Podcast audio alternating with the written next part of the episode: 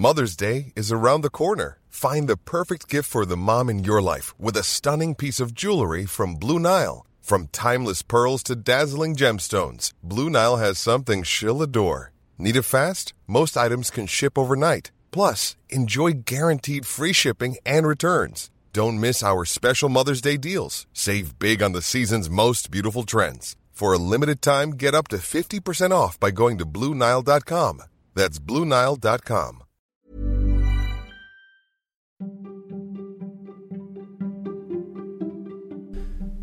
Välkommen till Nomofomo Daily. Det här är ju podden som ger dig trender och forskning som formar framtiden. Men även nyheter som du annars kanske aldrig hade fått reda på. Som när världens första rymdbaby väntas födas.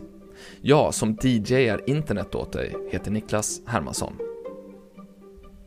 FBI's jätteoperation Trojan Shield ser ut att bli en supersuccé. Genom att plantera krypterade telefoner i kriminella nätverk har de lyckats avlyssna 12 000 personer, vilket har lett till att 800 personer har gripits.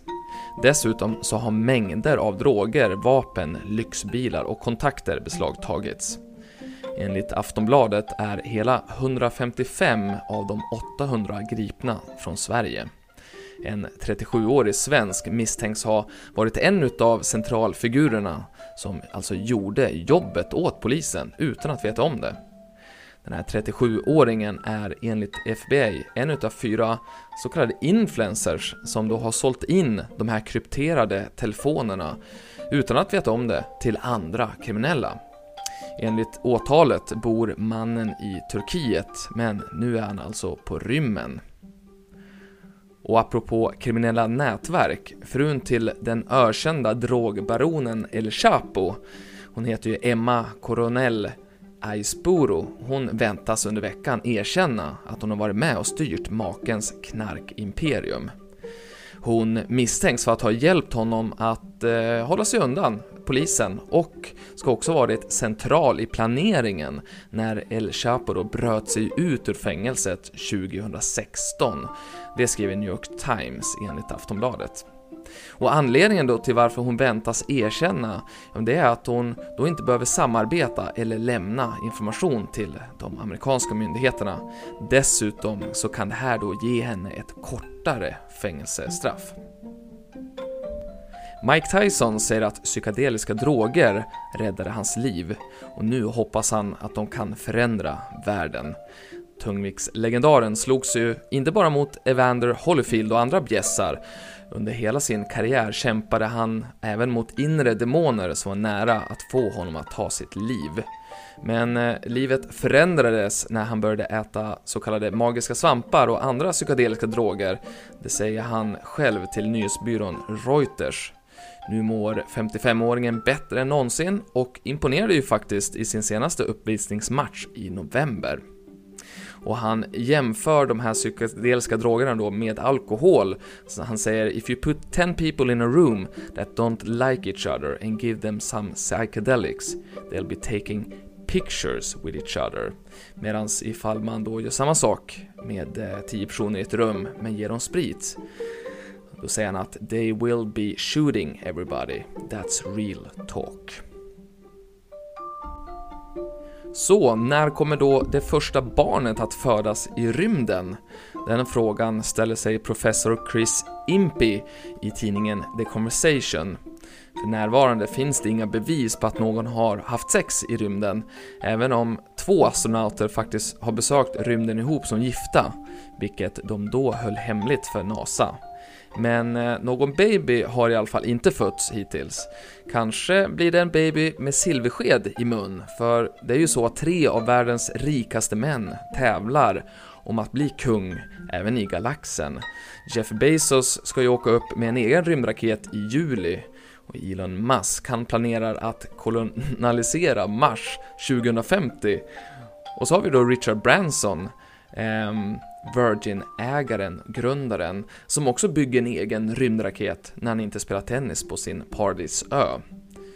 Professor Chris Impey då, ja han är ju en av världens ledande rymdexperter. Han konstaterar att första babyn som föds utanför jorden kommer att bli en milstolpe som är lika viktig som mänsklighetens första steg ut ur Afrika.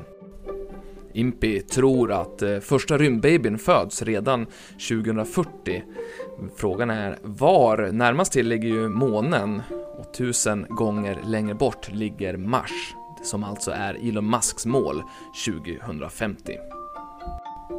Pandemin har förändrat våra medievanor och enligt en ny studie tror en tredjedel av konsumenterna att våra nya underhållningsvanor är här för att stanna.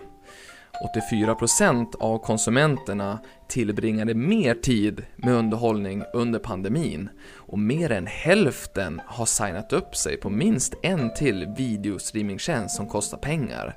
Alltså som Disney+, Viaplay och Netflix. Och mer än två tredjedelar, alltså 67% säger att de tänker lägga mer tid på underhållning än vad de gjorde innan covid-19. Det rapporterar Media Play News och det var 1000 amerikaner i åldrarna 18 till 54 som svarade på den här undersökningen. Vill du känna dig mindre deprimerad? Då är det dags att börja gå upp tidigare på morgonen. Forskare har ju länge vetat att människor som vaknar tidigare tenderar att vara mindre deprimerade. De här så kallade nattugglorna, som utgör ungefär 10% av befolkningen, är dubbelt så benägna att drabbas av depression. Men vilka tider som faktiskt gör någon skillnad, det har inte varit känt tidigare. Nu har forskare analyserat genetisk data om 850 000 personer genom ett företag som heter 23andMe. Och de kom fram till att personer med gener som gör att de vaknar tidigt lider av mindre depression och att vakna en timme tidigare sänker risken för depression med 23%. Att vakna två timmar tidigare sänker risken med hela 40%. Några exakta klockslag nämns inte, men ju förr desto bättre.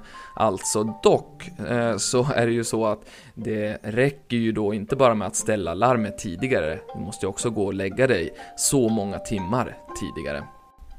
Den här studien publicerades i JAMA Psychiatry förra veckan och eh, det var bara människor från Europa som var med i det här experimentet. Och man kan ju konstatera då att forskarna vet fortfarande inte varför man då blir mindre deprimerad av att gå upp tidigt.